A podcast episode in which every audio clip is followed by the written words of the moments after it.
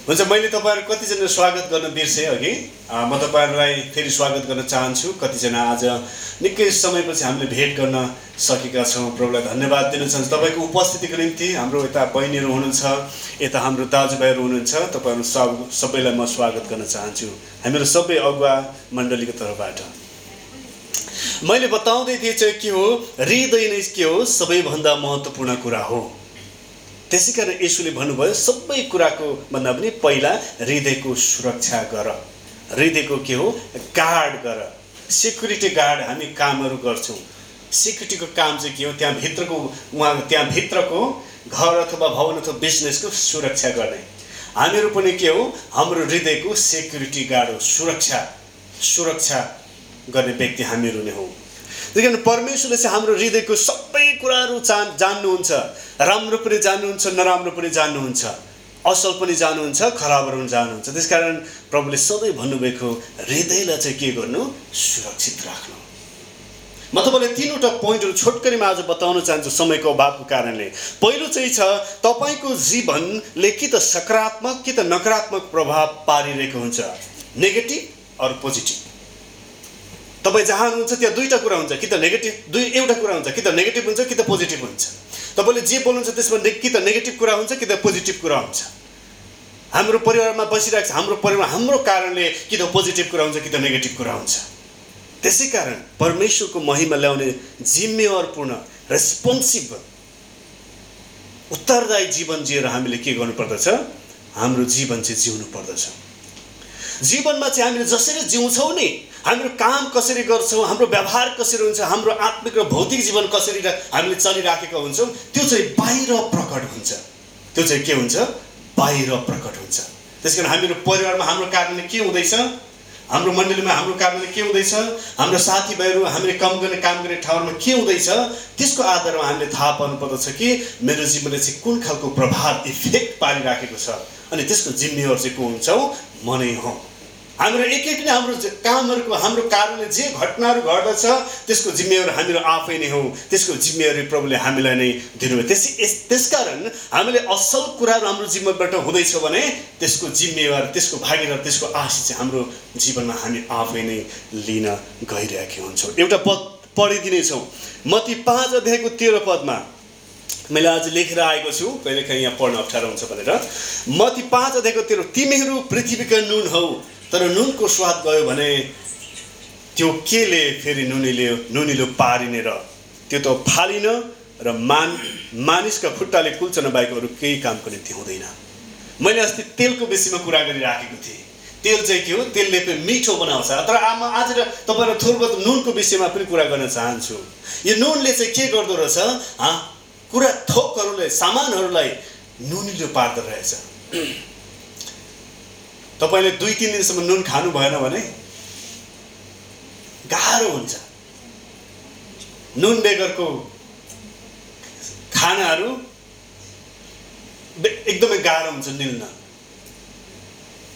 किनभने नुन चाहिँ के हो? स्वाद हो। हामीलाई स्वाद चाहिन्छ हाम्रो जीवनमा। हाम्रो जिब्रोलाई चाहिँ स्वाद चाहिन्छ। नुन चाहिँ के हो? स्वाद हो। नुनिलो। त्यसकारण नुन छैन भने त्यो चाहिँ के हो? खालको चाहिँ चाहिँ छन चाहिँ छ। थोरबत काम पनि लाग्यो तर त्यसको जति काम हुनुपर्ने हो त्यसको हुने न रहेनछ हले लोया हले लोया नुनले के जनाउँदछ भन्दा बाइबलले भन्छ नुनले चाहिँ के हो? स्वाद ल्याउँदछ। हाम्रो जीवनमा पनि नुनले स्वाद ल्याउँछ। मैले चाहिँ यो नुनले जीवनमा ल्याउने नुन चाहिँ आत्मिक जीवनमा ल्याउने नुन चाहिँ मैले त्यो तरकारीमा हाल नुनको कुरा गरिराखेको छैन। अनि त्यो चाहिँ परमेश्वरको उपस्थिति हो। त्यो चाहिँ परमेश्वरको के हो? स्वभावहरू जब हाम्रो जीवनमा आउँछ अनि हाम्रो जीवनमा एउटा छुट्टै किसिमको टेस्ट टेस्ट स्वाद आउँदछ। नुनको अर्थ चाहिँ के हो? परमेश्वरको उपस्थिति पवित्रताको कुराहरू। यसुले तपाईँमा के गर्नुभएको छ उहाँको नुन उहाँको आत्मिक नुन सल्ट उहाँको आत्मिक उपस्थितिद्वारा उहाँको आत्माको उपस्थिति एक खालको नुन बिल्कुलै छुट्टै विशेष खालको नुन तपाईँमा ल्याउनु भएको छ।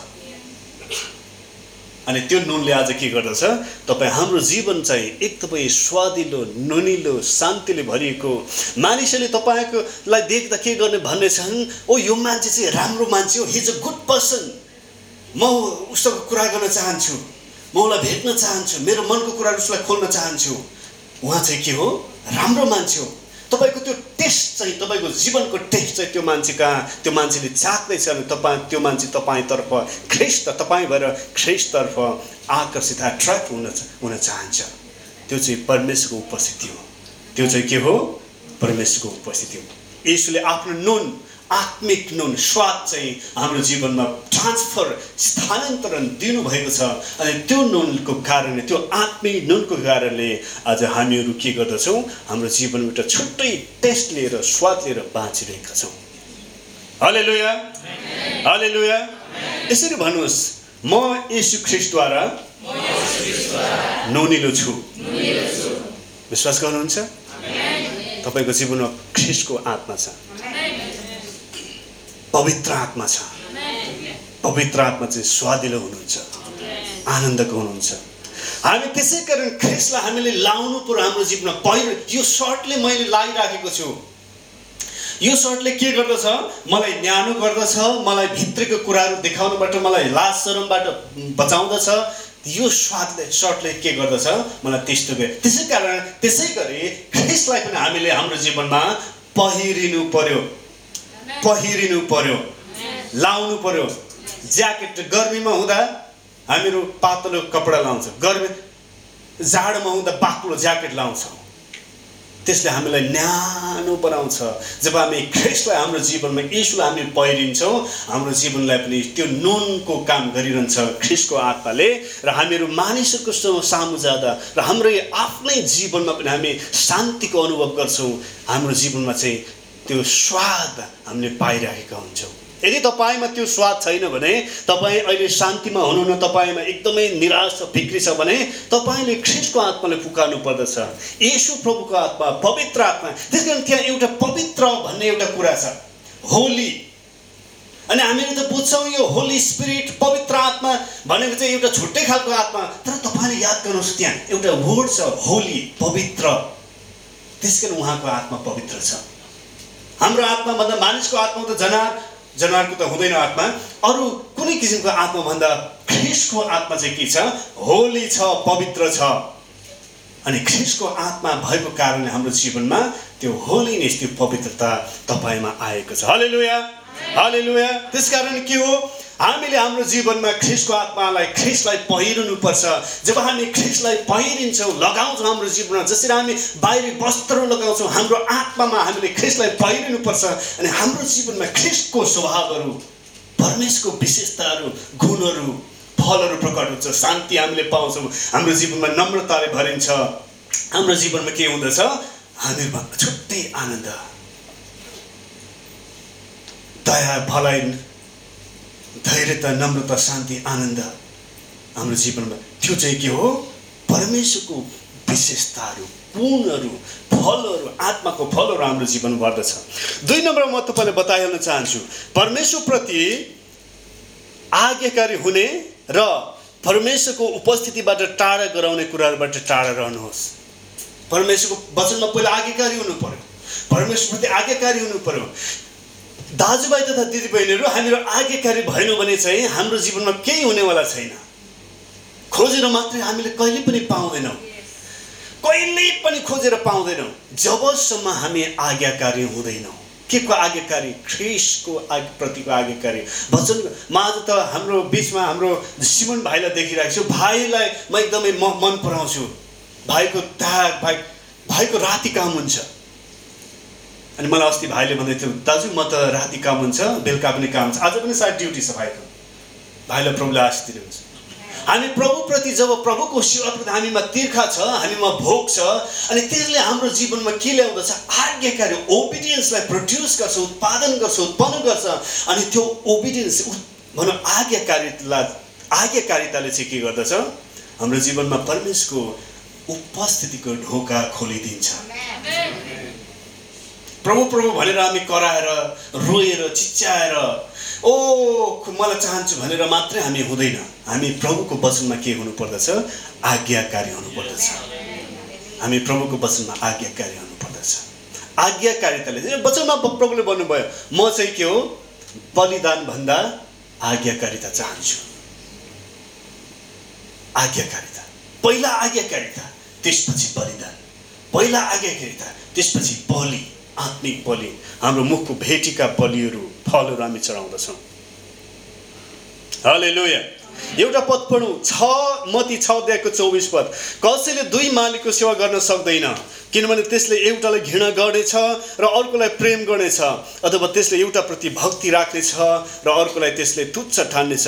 तिमीहरूले परमेश्वर र धनको सेवा गर्न सक्दैनौ।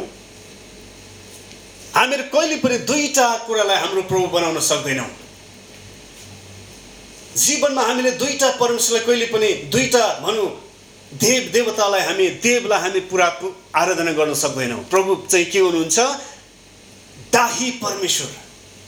जब तपाईँ त्यो प्रस्थानको किताबहरू पढ्नुहोस् तपाईँले हाम्रो पढौँ। र त्यहाँ हामी थाहा पाउँछौँ परमेश्वर डाहाले भरिएको अर्थात् उहाँले आफूलाई छोडेर अरूलाई पुज्नु थाल्यो भने उहाँलाई के गर्छ? उहाँलाई मन पर्दैन। उहाँलाई डाहा। उहाँ त्यसप्रति क्रोधित हुनुहुन्छ। त्यसको अर्थ चाहिँ यो संसारमा सर्वशक्तिमान ग्रेट सृष्टिकर्ता एउटै परमेश्वर हुनुहुन्छ जो चाहिँ तपाईँ र हामीले आज छिन्न सकेका छौँ र हामीहरूको बिचमा उपस्थित हुनुहुन्छ। अहिले लुया संसारिक कुराहरूको संसारमा धेरै प्रभाव छ।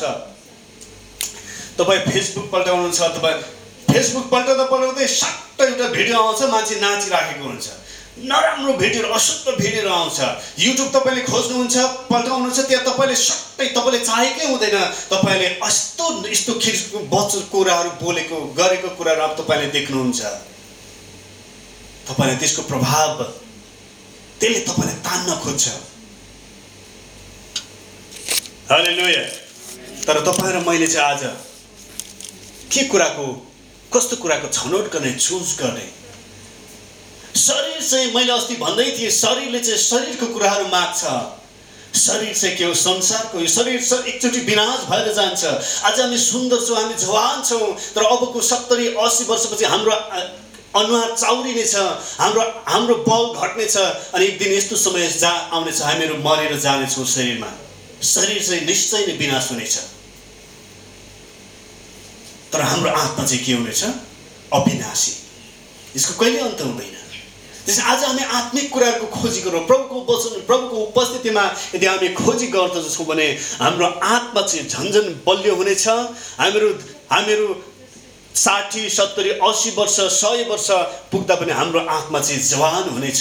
हाम्रो आत्मा चाहिँ के हुनेछ? जवान भइरहनेछ। हले लुया हले लुया त्यस कारण संसारको कुराहरूको बाट हामीले हामीलाई के गर्नुपर्दछ? बिल्कुलै हामीलाई हामीले त्यसप्रति थाहा हुनुपर्दछ यो चाहिँ के हो? यसले परमेश्वरकोमा बाधा पुर्याउँछ। म परमेश्वरको खोजिराखेको खोजी गरिराखेको मान्छे हो तर यसले मलाई के गर्दछ? बाधा पुर्याउँछ। अनि हामीले ती कुराहरूप्रति सजग हामी टाढा रहनु पर्दछ कति मान्छेहरू हामीले देख्दछौँ कति मान्छेहरू हामी कस्तो मानिसहरू देख्छौँ उसले मण्डली पनि आउन चाहन्छ अनि अन्त पनि जान्छ जान चाहन्छ। मैले यस्तो मानिसहरू भेटेको छु दुबईमै नेपालमा पनि। उसले यसरी भन्छ म फल्ना पनि छोड्न सक्दिनँ फल्ना पनि छोड्न सक्दिनँ। म यसोलाई त्याग्न सक्दिनँ। त्यो भन्नुको कारण चाहिँ उसको जीवनमा पवित्र आत्मा हुनुहुन्छ। पवित्र आत्माले मानिसलाई कहिले पनि त्याग्नुहुन्न अनि पवित्र आत्मा उसले भेट उसलाई भनिराखेको हुन्छ।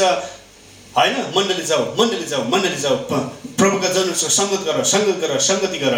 तर उसको बाहिरी शरीरमा बाहिरी आत्मा र प्रा बाहिरी मन र प्रात्मा चाहिँ संसारको कुराको यति प्रभाव छ कि त्यो कुराले भनिरहेको छ। होइन। फल्ना ठाउँ जाऊ फल्ना ठाउँ जाऊ फल्ना ठाउँ जाऊ फल्ना व्यक्तिलाई भेट उसले दुईवटा कुरामा दुईवटा ढुङ्गामा आफ्नो खुट्टा राखिराखेको छ त्यस्तो मान्छेहरूको के हुन्छ जीवनमा कहिले पनि उनीहरू आत्मिक रूपमा बढ्न त्यस कारण हामीले एउटा छनौट गर्नुपर्दछ एउटा निर्णय गर्नुपर्दछ हामी चाहिँ परमेश्वरको उपस्थितिमा हामी जान्छौँ हामी परमेश्वरको पवित्रतालाई खोज्छौँ म परमेश्वरको पवित्रतामा आफ्नो जीवन बढाउन चाहन्छु अनि हामीहरू हाम्रो जीवनमा त्यो निर्णयले गर्दा एउटा निर्णयले गर्दा। तपाईँले जब ख्रिस्टलाई विश्वास गरेर एउटा निर्णय गर्नुभयो त्यो एउटा निर्णयको प्रभावस्वरूप तपाईँ अनन्त जीवन पाउनुभयो तपाईँले। निर्णय चाहिँ जीवनमा ठुलो कुरा हो। डिसिजन छनौट चुज गर्ने कुरा चाहिँ ठुलो कुरा हो। हामीहरू के कुरालाई चुज गर्दछौँ? हामी परमेश्वरको उपस्थितिलाई खोज्ने पवित्रताको पछि लाग्ने होलिनेस पवित्रता हाम्रो जीवनमा आओस् भन्ने हाम्रो निर्णयले गर्दा परमेश्वरले हाम्रो जीवनमा के गर्नुहुन्छ? ठुलो कुरा गर्नुहुन्छ। जब हामी मण्डलीमा आउँदछौँ पवित्रता चाहिँ के हो? परमेश्वरको एउटा विशेषता। तर परमेश्वरको अरू पनि विशेषता छ। उहाँ सर्वशक्तिमान हुनुहुन्छ उहाँ सृष्टिकर्ता हुनुहुन्छ। र जब हामी मण्डली विशेष त मण्डलीमा कसरी सेवा गर्ने अनि मण्डलीमा सेवा गरेको सिकेको कुराले त्यो कुराले तपाईँको जीवनलाई एउटा सेप दिनेछ एउटा आकार दिनेछ। हामीहरू मण्डलीमा आउँछौँ मैले धेरै मान्छेहरू देखेको छु र हामीले देख्छौँ। मण्डलीमा उहाँ आउँदा कस्तो अवस्थामा आइरहेको छ? र मण्डलीभित्र आइसकेपछि उसले कसरी आफ्नो जीवनलाई एउटा सेप दिँदैछ? धेरैजना सुरुमा मान्छेहरू आउँदा उसलाई केही मतलब हुँदैन। यो ठाउँमा परमेश्वरको उपस्थिति छ। अनि परमेश्वर चाहिँ के हुनुहुन्छ भय योग्य परमेश्वर हुनुहुन्छ। उहाँको हामीले भय मान्नु पर्दछ जब हामी परमेश्वरको उपस्थितिमा जान्छौँ हामी प्रभुको भय मान्नु पर्दछ अनि यो कुरा चाहिँ कहाँबाट सुरु हुन्छ? मण्डलीबाट। मानिसहरूको अगाडि तपाईँले कसरी परमेश्वरको आराधना गर्दै हुनुहुन्छ? तपाईँले भय मान्दैछ कि छैन? तपाईँ आज्ञाकारी हुँदैछ कि छैन? त्यो कुराले हामीहरूको वरिपरिको मान्छेहरू हामीतर्फ हामी मार्फत भएर परमेश्वरमा आकर्षित हुनेछन्। धेरै मान्छेहरू मण्डलीमा आउँदा सेवा भइराखेको छ आराधना भइराखेको छ। मानिसहरू उपरखोटी लगाएर बसिरहेको हुन्छन्। मानिसहरू आराधना भइरहेको छ उसकोले चाहिँ मोबाइलमा खोलेर कसै अहिले त डाटा पनि हुन्छ डाटा सस्तै छ अनि मेसेजमा गरिराखेको हुन्छ। उसलाई थाहा नै हुँदैन यहाँ यो ठाउँ चाहिँ परमेश्वरको उपस्थिति भएको ठाउँ हो। यो ठाउँमा चाहिँ पवित्र परमेश्वरको उपस्थिति छ। सर्वशक्तिमान परमेश्वरको उपस्थिति छ।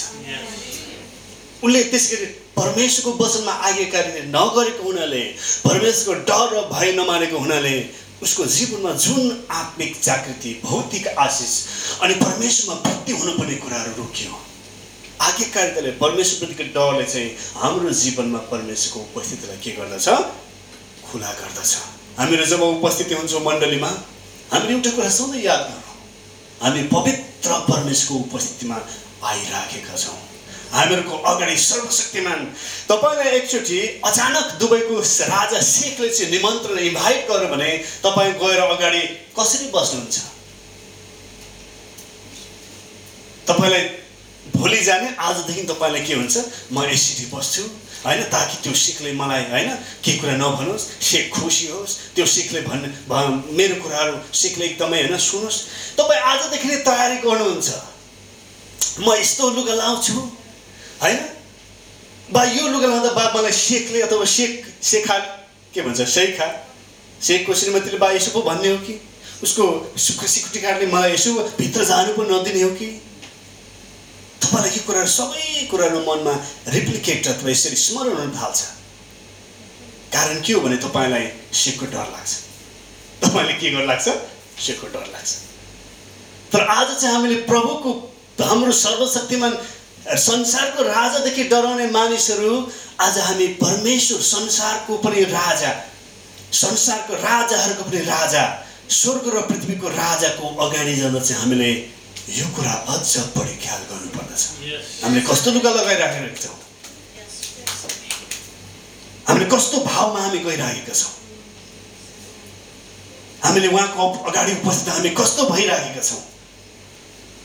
के म मदेखि उहाँ खुसी हुनुहुन्छ? अनि यो कुराले चाहिँ प्रियहरू दाजुभाइ दिदीबहिनीहरू परमेशको उपस्थिति। तपाईँहरू एउटा मलाई याद कुरा एउटा वचन एउटा भोज चलिरहेको थियो त्यहाँको भनौँ मुखियाले भोज लायो अनि सबै मान्छेलाई बोलायो। अनि एउटा मान्छे चाहिँ आयो उसले चाहिँ उपयुक्त खालको ड्रेस लाएन। त्यो भोजले भने यो मान्छेले चाहिँ बाहिर निकाल्दै किनभने उसले उपयुक्त खालको ड्रेस सही ड्रेस लाएर आएन। मैले भन्नु खोजेको चाहिँ तपाईँले बाहिर लाउने ड्रेस मात्रको कुरा गर्नु मात्रै गर्नु खोजेँ। त्यो पनि हो। कतिजनाहरू चाहिँ चप्पलमै मण्डलीमा आइदिन्छ। बाहिर बजारतिर जाँदा जाँदै टी सर्ट हाफ प्यान्टमै आइदिन्छ। उसलाई डरै छैन उसलाई त्यो थाहा छैन कि म चाहिँ सर्वशक्तिमान प्रभुलाई भेट्न जाँदैछु। घरमा राख सुतिराखेको ड्रेसमै कतिजना मान्छे मान्छेहरू जीवनमा यति साह्रो लापरवाहीले गर्दा आज परमेश्वरले आफ्नो उपस्थिति मानिसको जीवनमा के हुन्छ? बढाउन सक्नुभएको छैन। एउटा कुरा चाहिँ प्रियहरू मानिसहरूले जब हामी प्रभुलाई आदर गर्छौँ आज्ञाकारी हुन्छौँ उहाँको डर मान्छौँ अनि प्रभुले हाम्रो जीवनमा उहाँको भय अझ वृद्धि गरिदिनुहुन्छ अनि जब हामी प्रभुको डर मान्छौँ आज्ञाकारी बन्छौँ प्रभुले हाम्रो जीवनमा डरलाग्दो उपस्थिति दिनुहुन्छ। मोसाले तपाईँले याद गर्नुहोस् मोसा।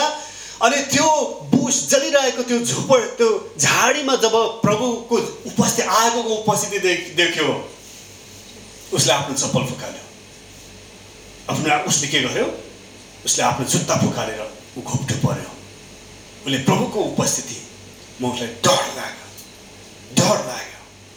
अनि आज तपाईँहरू म चाहिँ प्रभुको उपस्थिति जाँदा आज हामीले डर मान्नुपर्छ। हाम्रो प्रभु चाहिँ भस्म पार्ने आगो। आज नयाँ करारमा हामी नयाँ करारका विश्वासीहरू अनुग्रहमा विश्वास गर्ने विश्वासीहरू चाहिँ हामीहरू के भइराखेका छौँ? अनुग्रहलाई हामीले यति हल्का लिन्छौँ। सबैले भन्छ म त अनुग्रहले बाँचेको छु। म त अनुग्रह भयो पुगिहाल्यो। मैले जस्तो जिए पनि भयो जे बोली पनि भयो जे हेरी पनि भयो। तर प्रभु चाहिँ त्यही हुनुहुन्छ है फेरि। सेम सेम टु सेम हिजो आज र सदा सर्वदा एउटै परमेश्वर समान परमेश्वर। उहाँको त्यो कहिले पनि त्यो गुण चेन्ज भएको हुनुभएको छैन। उहाँ आज पनि भस्म पार्ने आगो नै हुनुहुन्छ। हले लुया तिन तेस्रो पोइन्ट चाहिँ म तपाईँलाई बताइहालौँ। परमेश्वरको डर र भय मान्नुहोस्। मैले अघि भने मालिकको अगाडि नोकरहरू जाँदा चाहिँ कसरी डराउँछन्?